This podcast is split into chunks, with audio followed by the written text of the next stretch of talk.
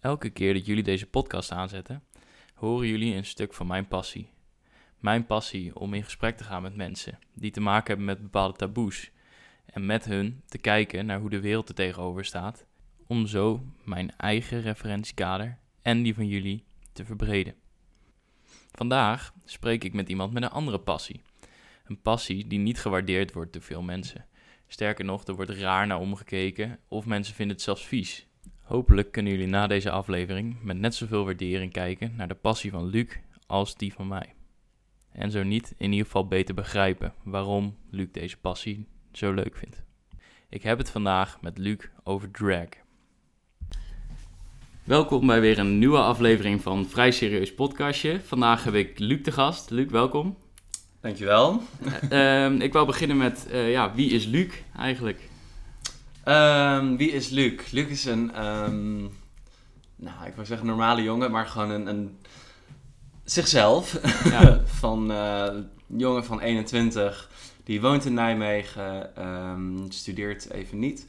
Hij werkt en ja, mijn grootste hobby is eh, drag. Ja, Ja. ja, tof, want daar gaan we het ook over hebben. Nou, ik zei het net al tegen jou, maar dit is echt de podcast waar ik het meest naar uit heb gekeken, deze aflevering. Eh, juist omdat het ook best wel ver van mij afstaat. Eh en ik denk dat heel veel luisteraars dat ook zullen hebben, maar toch wel nieuwsgierig zijn. Ehm, dus ja, allereerst wil ik ook vragen van... ehm, met tegenwoordig hoor je natuurlijk veel over... ehm, hoe definiëren mensen zich als hij, zij, het. Is dat voor jou nog iets? Ehm, ja, voor mijn drag en in mijn dagelijks leven is dat wel. Ik verdiep me er ook heel erg in. Sowieso de hele LGBTQIA community. Ehm, dat is echt gewoon part of my life, zeg maar. Ehm, maar de pronouns die ik zelf eh, altijd aanhoud zijn hij eh, en hu- hun. Daar En hun. zit ik nog een beetje tussen Ja, precies. in. Ja. En waar heeft dat dan mee te maken? Dat je hun ook bijvoorbeeld aanhoudt? Ehm, nou, het was eerst altijd gewoon hij, hem. Ja. Maar eh, ineens begon ik eh, make-up interessant te vinden. En ik begon eh, bijvoorbeeld ook rokken interessant te vinden. Gewoon de, de vrouwelijke kledingstijl, kledingstukken. En toen dacht ik, huh, ik wil geen vrouw zijn, maar wat wil ik dan zijn? Want ik voel me wel man. En toen dacht ik, dan is non-binair ehm, een optie. Maar ja, dat, dat moet je van binnen voelen, zeg maar. Ja. Je moet meteen denken, bij het woord non-binair denk je van, ja, dat voel ik. Want Ja. ik voel me niet man en niet vrouw. Maar ik voelde nog wel een soort mannelijkheid, maar dan ook weer die vrouwelijke kanten. En toen bedacht ik, waarom kan een man geen make-up dragen of een rok dragen? Ja. Dus ik zweef nog een klein beetje tussen hij en eh, hun. ja. Nou ja, dat is, het blijft gewoon even een zoektocht. Net zoals met alles. Iedereen heeft op zijn eigen gebieden. Ja, Dus, ja eh, het wordt gewoon, ehm, ja, in ieder geval bij, no offense, maar bij heel veel hetero eh, mannen, vrouwen, daar wordt er niet over nagedacht, omdat je dat al, ja, misschien, je verdiept je bijvoorbeeld ook niet in. Dus je gaat er al van uit, ik ben dit, prima, klaar. Maar als jij iets anders voelt, dan ga je erover nadenken. Dus daarom, in de hele gay community, dan is dat gewoon een groot iets, omdat wij op jonge leeftijd al na moesten denken op waar we op vielen Ja. en wat we waren, wie we wilden zijn. Dus ik denk dat daar gewoon een heel groot verschil in zit. Ja. Ja, nee, dat is goed om te horen inderdaad, die uitleg. Want zo heb ik hem zelf nog nooit gehoord en ik denk vele anderen ook niet. Ehm, en dan op een gegeven moment dan merk je dus wat je zegt, inderdaad in die zoektocht. Merk je van, oké, ik ga ik vind make-up opdoen en rokken dragen en zo leuk. Hoe is dat ook gewoon echt zo begonnen, stapje voor stapje? Eh, ja, dat kwam. eh, ik zat vorig jaar op de kunstacademie in Breda. En daar zag ik gewoon, ja, daar kon alles gewoon. Dat was zo fijn. Dat was echt een soort thuis voor mij. Ehm, en daar heb ik ook een, een performance gezien van een man die make-up op had. En dat het gewoon heel erg mooi en helemaal niet vrouwelijk was, maar dat het gewoon bij het performance hoorde. Ja. En toen dacht ik van, oh, dit vind ik echt heel erg cool. En ik was sowieso best wel geïnteresseerd in make-up, want ik deed vroeger van mijn moeder soms stiekem make-upjes op. Ja, maar toen dacht ik, oh, dit is wel echt iets wat bij mij past. Ehm, want ik wil daar zijn. Ik wil die aandacht krijgen op straat, Ja. zeg maar. Ik vind het gewoon heerlijk om gewoon op straat te lopen en dat mensen dan kijken en denken van, wat loopt er nou? En Ja. ja. ja, dat vind ik gewoon prachtig. En ik vind het gewoon heel mooi, dus... ja, tof. Tof om te horen zo. En ehm, toen is het dus langzaamaan, hoe, hoe kom je in aanraking met het, het eh, drag circuit, laat maar zeggen? Want je zegt van in eerste instantie is het make-upjes en eh, af en toe een rok of dat soort dingen en alles moet kunnen. Maar dan lijkt me toch, dat is toch een bepaalde scene of zo die er is. Eh, ja, ja, dat wel. Ik denk dat het ehm, de gay scene of de hele queer community, zeg maar, eh, in grotere steden, ik denk dat dat daar wat meer ehm, aan de orde is. Eh, ik bedoel, je ziet in kleine dorpen zie je niet vaak Nee. mannen die ehm, een rok dragen of make-up dragen. Ik denk dat het iets meer van de, van de stad is.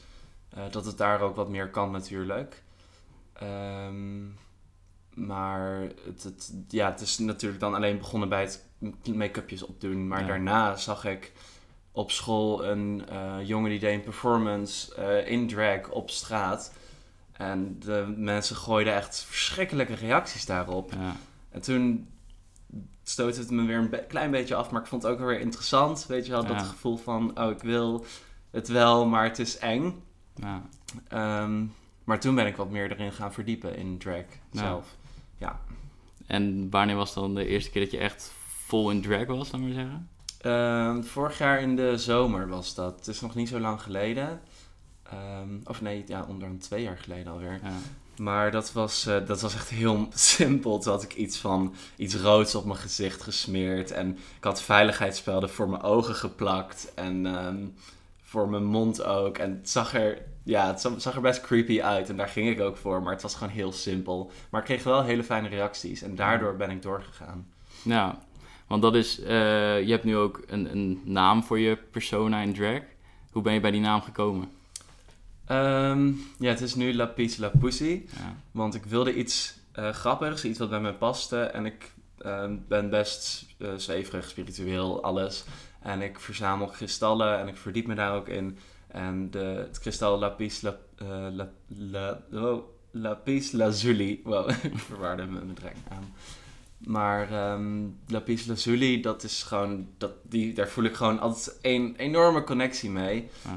En toen dacht ik, oké, ik wil iets grappigs, dus ik combineer dat en toen werd het Lapis La Pussy. Ja. Ja. Ja, dat eh, is een goed origin eh, story eh, voor je naam. Ja. Ja. Ja. En je noemde net al even van dat je dus een jongen in drag zag die echt verschrikkelijke reacties kreeg. Hoe waren de reacties voor jou toen je nou ja, ermee begon en besloot ermee door te gaan ook? Eh, nou de eerste keer in drag was dus heel fijn. Toen kreeg ik heel fijne reacties. Eh, en mijn broer die accepteerde het ook meteen. Die vond het prima. Die vond het nog wel eng, omdat, ehm, ja, omdat hij dat nog niet snapte. En hij was dat niet gewend. Hij had het ook nog niet echt gezien. Maar dat, dat ja, tuurlijk, dat is heel logisch. Ehm, als jij een vriend of vriendin dit gaat doen, maar het is onbereikbaar voor jou, dan moet je daar ook aan wennen. Dat is heel logisch. Dus dat was prima. Ehm, en daarna, ehm, even denken. Ja, de acceptatie was soms ver te zoeken eh, bij sommige mensen. Ehm, soms was het ook meteen, werd geaccepteerd. Bijvoorbeeld op de kunstacademie is dat allemaal prima. En dan heb je grote supporters. Maar toen had ik een relatie met een jongen en eh, hij moest er ook heel erg aan wennen. En toen hebben we samen zijn we het hele, hele proces doorgelopen. Eh, maar dat duurde wel echt een tijdje voordat hij er eh, oké mee was. Ja. Mijn moeder eh, ook. Die heeft het ook echt heel erg lang geduurd voordat zij er oké mee was. Ja. Ja. Maar ondertussen krijg je wel gewoon steun. Ja, ik kreeg wel heel veel steun. Ja, dat wel. Ja. Daar was ik wel echt heel erg blij om. Dat heeft me ook ehm, eh, kracht gegeven om door te gaan. ja. En heeft het dus ook in die kracht ook deuren geopend voor jou, persoonlijk? Mm. Ehm, ja, eh, ergens wel. Want omdat ik doorging, merkte ik heel erg dat ik dit echt leuk vond. En ehm, mijn moeder was er gewoon niet oké mee. En die heeft elke keer gezegd van waarom doe je het? En het is raar, het wordt nooit geaccepteerd. Maar door die kracht dacht ik van nee, dit, dit ben ik. Dit is mijn passie, dit is mijn creativiteit. De een eh, uit creativiteit door te tekenen of door te schilderen. Maar voor mij is dat drag. Ja. Door make-up en dingen op mijn gezicht plakken en outfits creëren. Dat is mijn vorm van creativiteit. En dat, die deur is voor mij wel geopend. Gewoon Ja. van, oké, dit, dit is mijn passie. Want het was eerst gewoon, eerst dacht ik, het is gewoon een hobby. Ja. Eh, omdat iedereen, of omdat de een vond het oké, de ander niet. Dus toen dacht ik, ik houd maar een hobby. Ja, precies. Maar op dat moment dacht ik, nee, dit is echt mijn passie. Ik wil dit doen. Ja. ja, en heel goed dat je het dan doorgezet hebt natuurlijk. Want ik denk dat er best wel veel mensen zijn, ook op hele andere onderwerpen, die zich nog wel eens tegen laten houden door wat anderen ervan vinden. Ja. En dat vind, ik, dat vind ik misschien wel een van de meest krachtige dingen. Gewoon van nu het voorbeeld drag. En je hebt ook andere voorbeelden natuurlijk. Maar ehm, je merkt wel, en dat is nou ja, wat ik al gezegd heb eerder. Ik had op mijn introkamp waren er ook twee drag queens die toen meekwamen doen bij ons. Ehm, hadden we een danceachtige battle of zo met die eerstejaars. En je merkte echt gelijk, wat natuurlijk een enge periode een beetje is. Je leert allemaal nieuwe mensen kennen. Maar door de aanwezigheid van twee drag queens had iedereen toch ook wel eens een beetje zoiets van... Oh, nou ja, ja, weet je, zij doen dit wat raar wordt ja, gezien, laat maar zeggen. En toen was iedereen heel los. Dus ik vind dat het ook hele mooie dingen meebrengt. Dat iedereen een stuk ontspannender wordt en gewoon plezier heeft. Ja, dat is het dus ook. Dit, overal waar je drag queens ziet, bijvoorbeeld op de Pride of ehm, ja, kleine feestjes of bij zo'n intro eh, bijvoorbeeld. Ehm, omdat die mensen, die zijn gewoon zo out there. Die zijn ehm, zo extravagant dat jij... Je, je voelt een beetje een kleine drang om daar dan in mee te gaan. En Ja. Voor jou kan het niet gekker dan dat. Dus jij kan gewoon helemaal losgaan. En dat hebben drag queens gewoon, gewoon van zichzelf vaak. Gewoon dat hele entertainment. En dat is gewoon heel erg mooi. Iedereen die, die dan ehm, in, in, in de aanwezigheid is van een drag queen... is gewoon ja, veel luchtiger of zo. Ja. Dat is gewoon van... Oh, dit is chill, lekker entertainment. Zij gaan helemaal los, dan kan ik dat ook lekker. En eh, dat, ja, dat vind ik ook altijd fijn eh, Ja. Als dat gebeurt, ja. Ja, want dat was echt super tof. Want je had in eerste instantie inderdaad zo... Dat, toch de eerste reactie van mensen is altijd een beetje, van, oh, een beetje aankijken. Dus van, oh, wat, wat is dit? Dit is anders dan ik gewend ben. Maar toen op een gegeven moment merkte je inderdaad dat iedereen gewoon... Nou ja, ging ouwehoeren en Ja. lekker los. Inderdaad wat jij zegt ook. ja. En toen, dat vond ik misschien nog wel het mooiste. Dat daarna waren die twee eh, jongens waren gewoon, hadden make-up eraf gehaald. En die hebben toen gewoon nog meegefeest. Toen was er ook in eerste instantie dat mensen echt zoiets hadden van... Zijn, zijn zij dat? Waren zij dat? Dat vond ik echt een hele mooie reactie. De hele transformatie Ja, gewoon. maar dat je dan gewoon daarna ook op verschillende manieren met elkaar kan feesten. En elkaar accepteert, laat maar zeggen. Zoals ja, mensen zich voelen of willen zijn. Ja. Accepteerde jij het meteen? Ehm, nou, ik moet wel zeggen, toen ik hoorde, want ik was ook onderdeel van de organisatie en er was iemand die gooide dat idee op. En ik ben wel altijd voor, zoek de grenzen op van wat je gemakkelijk vindt. Maar ik moest wel even, dat ik dacht van, oké, maar wat moet ik hier zelf mee? En ik denk dat dat eh, mensen die gedacht, dat gedachtepatroon misschien wel herkennen. Van, ja, wat moet ik er zelf mee? Maar je hoeft er niks mee. Je moet gewoon plezier hebben op die avond. En toen bleek op die avond zelf dat, het gewoon, dat we er alleen maar meer plezier van hadden eigenlijk. Maar ik had dus wel in eerste instantie dat ik echt een beetje had van... Wat, wat moet ik ervan vinden? Ja. Ja, het wordt ook echt heel groot gemaakt voor mijn gevoel. Het is ook als je dan bijvoorbeeld zo'n drag queen uitnodigt, dan denk je meteen van oeh, ja, dan is dat daar. Maar wat, wat, wat moeten we dan Ja. daarmee doen en wat je zegt.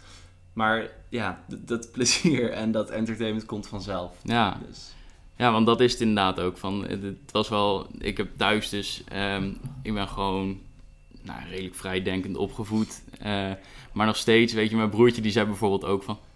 Ga je met een drag queen aan tafel zitten? Ik zei, ja, het is gewoon een normale jongen hoor. Het is gewoon, zoals je aan het begin ook zei, ja, normaal, maar goed.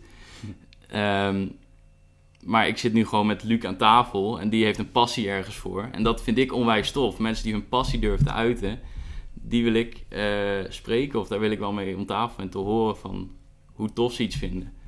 Dus daar zit dan wel verschil in ook qua verschillende mensen hoe ze erin stappen natuurlijk. ja, En dat is ook een beetje misschien angst voor hoe ze er zelf op zouden reageren. Dat vraag ik me dan soms een beetje af. ja het is gewoon, het is nog steeds een soort taboe natuurlijk. Sowieso in heel veel landen nog. In Nederland kan het, ehm, ja, kan het wel het meest voor mijn gevoel. Daar is het wel het vrijst. Ehm, maar ik zeg altijd tegen mensen die het niet snappen, zeg ik van, maar eh, wat is jouw hobby? Stel dat je hobby vissen is. Dan, dan, ik bedoel, ik accepteer dat jouw hobby vissen is. Ik snap Ja. het niet, want ik vind vissen gewoon kut.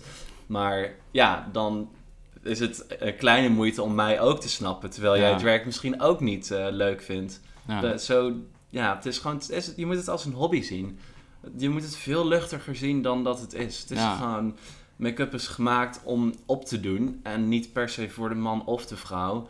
Want ja, iedereen heeft een huid en ogen en iets. Dus Ja, Ja, het moet gewoon wat luchtiger gezien worden. ja, dat is zeker, weet je. Dat is ook als je een verkleedfeest hebt of iedereen, dan doet iedereen mee. En dan met Halloween is allemaal make-up op en dan kan ineens iedereen. Dat is omdat we dan een dag ervoor hebben uitgekozen. Maar, ja. Dat mag dan, ja. Ja. maar dan denk ik dat iedereen er ook heel veel plezier aan heeft. Dat wil niet zeggen dat diezelfde mensen inderdaad het hele jaar door eh, af en toe gewoon willen verkleden of drag aan willen doen of make-up of iets.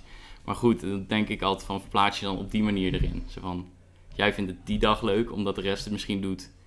Maar aan de andere kant, je kan het ook echt tof vinden zoals jij net omschrijft. Ja, Ja, maar iedereen, in ieder geval heel veel vrienden van mij, kijken ook echt uit naar carnaval bijvoorbeeld. En hoe zij ehm ernaar uit kunnen kijken om even een ander persoon te spelen, zeg maar. Om Ja. even die kleding aan te doen en weet ik veel, iets geks, geks met de haren of make-up of zo. Hoe erg zij daarnaar uitkijken, dat doe ik dan met een avond ehm, optreden of weet ik veel wat. ja, Dat is gewoon precies hetzelfde, maar ik doe dat vaker per jaar. ja Ja, het is maar waar je behoefte aan hebt dan. precies. Ja. Heb je al veel optredens gehad ook?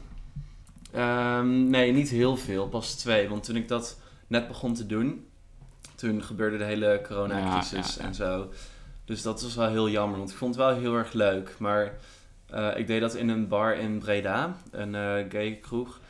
Ehm, en dat was heel leuk. Heel gezellig kroegje, heel klein, hele fijne mensen. Maar daar probeerde ik altijd een heel creatieve act neer te zetten. Ja. En ik ehm, ben niet per se in drag heel vrouwelijk of zo. Ik, ik performde ook vaak op rocknummers. Ehm, en dan ging ik echt helemaal los en helemaal dramatisch. En ik heb bij mijn tweede performance heb ik... eh, van tevoren had ik verf in mijn BH gedaan. En eh, tussendoor performance heb ik dat, die hele verf over mijn lichaam uitgesmeerd. En over mijn gezicht. En ehm, ik had ook een lampenkap op mijn hoofd. En ja, voor mij kan het niet gek genoeg. Ja. Dat is gewoon het fijne van drag. Ja. Is dat, vind je dat ook het mooiste aan drag? Ja, ja, dat denk ik wel. Het is gewoon een creatieve uitlaatklep. Maar ehm, ja, gewoon, je hebt gewoon geen limit, zeg maar. Ja. Je kan, ja, je kan all the way gaan, echt met alles. En de ene keer eh, iets milder dan de andere keer. Maar dat is leuk om daarin te spelen. Want dan de ene keer denk je, oh, ik doe het nu even iets rustiger. Maar dan de volgende keer denk je, "Do, de vorige keer was ik echt mild. Maar nu ga ik helemaal all out. En dat is gewoon heel fijn, want Ja. je kan zoveel. Dat is Ja. het leuke. ja, tof. En heb je nu ook ondertussen een, echt veel drag vri- vrienden gemaakt? Ehm, ja, ik heb er wel wat. Eh, ik zat eerst ook bij een drag house in Breda, maar daar ben ik eh, uitgestapt omdat ik nu in Nijmegen woon. Ja. Maar dat is gewoon, dat voelt echt als een familie, want dat is gewoon een club waar je dan bij zit. En dan zie je elkaar één, twee keer per week. Dus dat je, je band gewoon heel snel. Eh, en het voelt echt als een familie, want iedereen begrijpt je daar. Iedereen heeft dingen meegemaakt, je praat over dingen. Het is gewoon echt, echt heel fijn. Ja. Ja, het is sowieso fijn om andere drag queens te ontmoeten. En een passie te delen en creativiteit te delen. En elkaar tips geven bijvoorbeeld. Maar er zijn Ja. ook heel veel eh, ruzies onderling. Dat is echt zo Ja. heerlijk om te merken soms. Ja, ja, ja. Nou, dat denk ik dat iedereen dat wel herkent. Want vriendengroepen die hebben dat natuurlijk ook. ja, zeker. En als er iets duidelijk is geworden van jouw verhaal wat je net verteld hebt, is dat gewoon... Eigenlijk is het niet veel anders dan een, een voetbalteam of zo die gewoon hun passie ook volgen voor voetbal. En inderdaad Ja. dat je ze af en toe ook raar aankijkt als ze een of andere actie op het veld doen. Dat je denkt van waarom doe je dat? Nou ja, dat is, zo, Ja, dat is het eigenlijk om het heel makkelijk te vertalen. ja nee, je hebt Ja. helemaal gelijk. Je, je traint zeg maar samen. Dat, je, je, je performt samen op het veld of in een club. Ja, Dus eh, het is inderdaad wat je zegt. Het is gewoon, ja, van alles. Gewoon een, een groep waar je bij zit en je doet van alles samen. Je leert samen. ja. Dus ja, daar heb je helemaal gelijk in. Ja. Ja, ik denk dat het een. eh, voor mij is het in ieder geval een hele openbaring geweest, nu dit gesprek.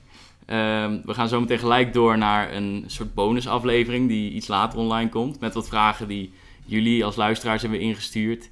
Ehm, maar allereerst wou ik eh Luc graag zijn verhaal laten doen. eh, zodat ik hem in ieder geval wat beter begreep. En jullie misschien ook, als we dan vervolgens alleen de vragen behandelen.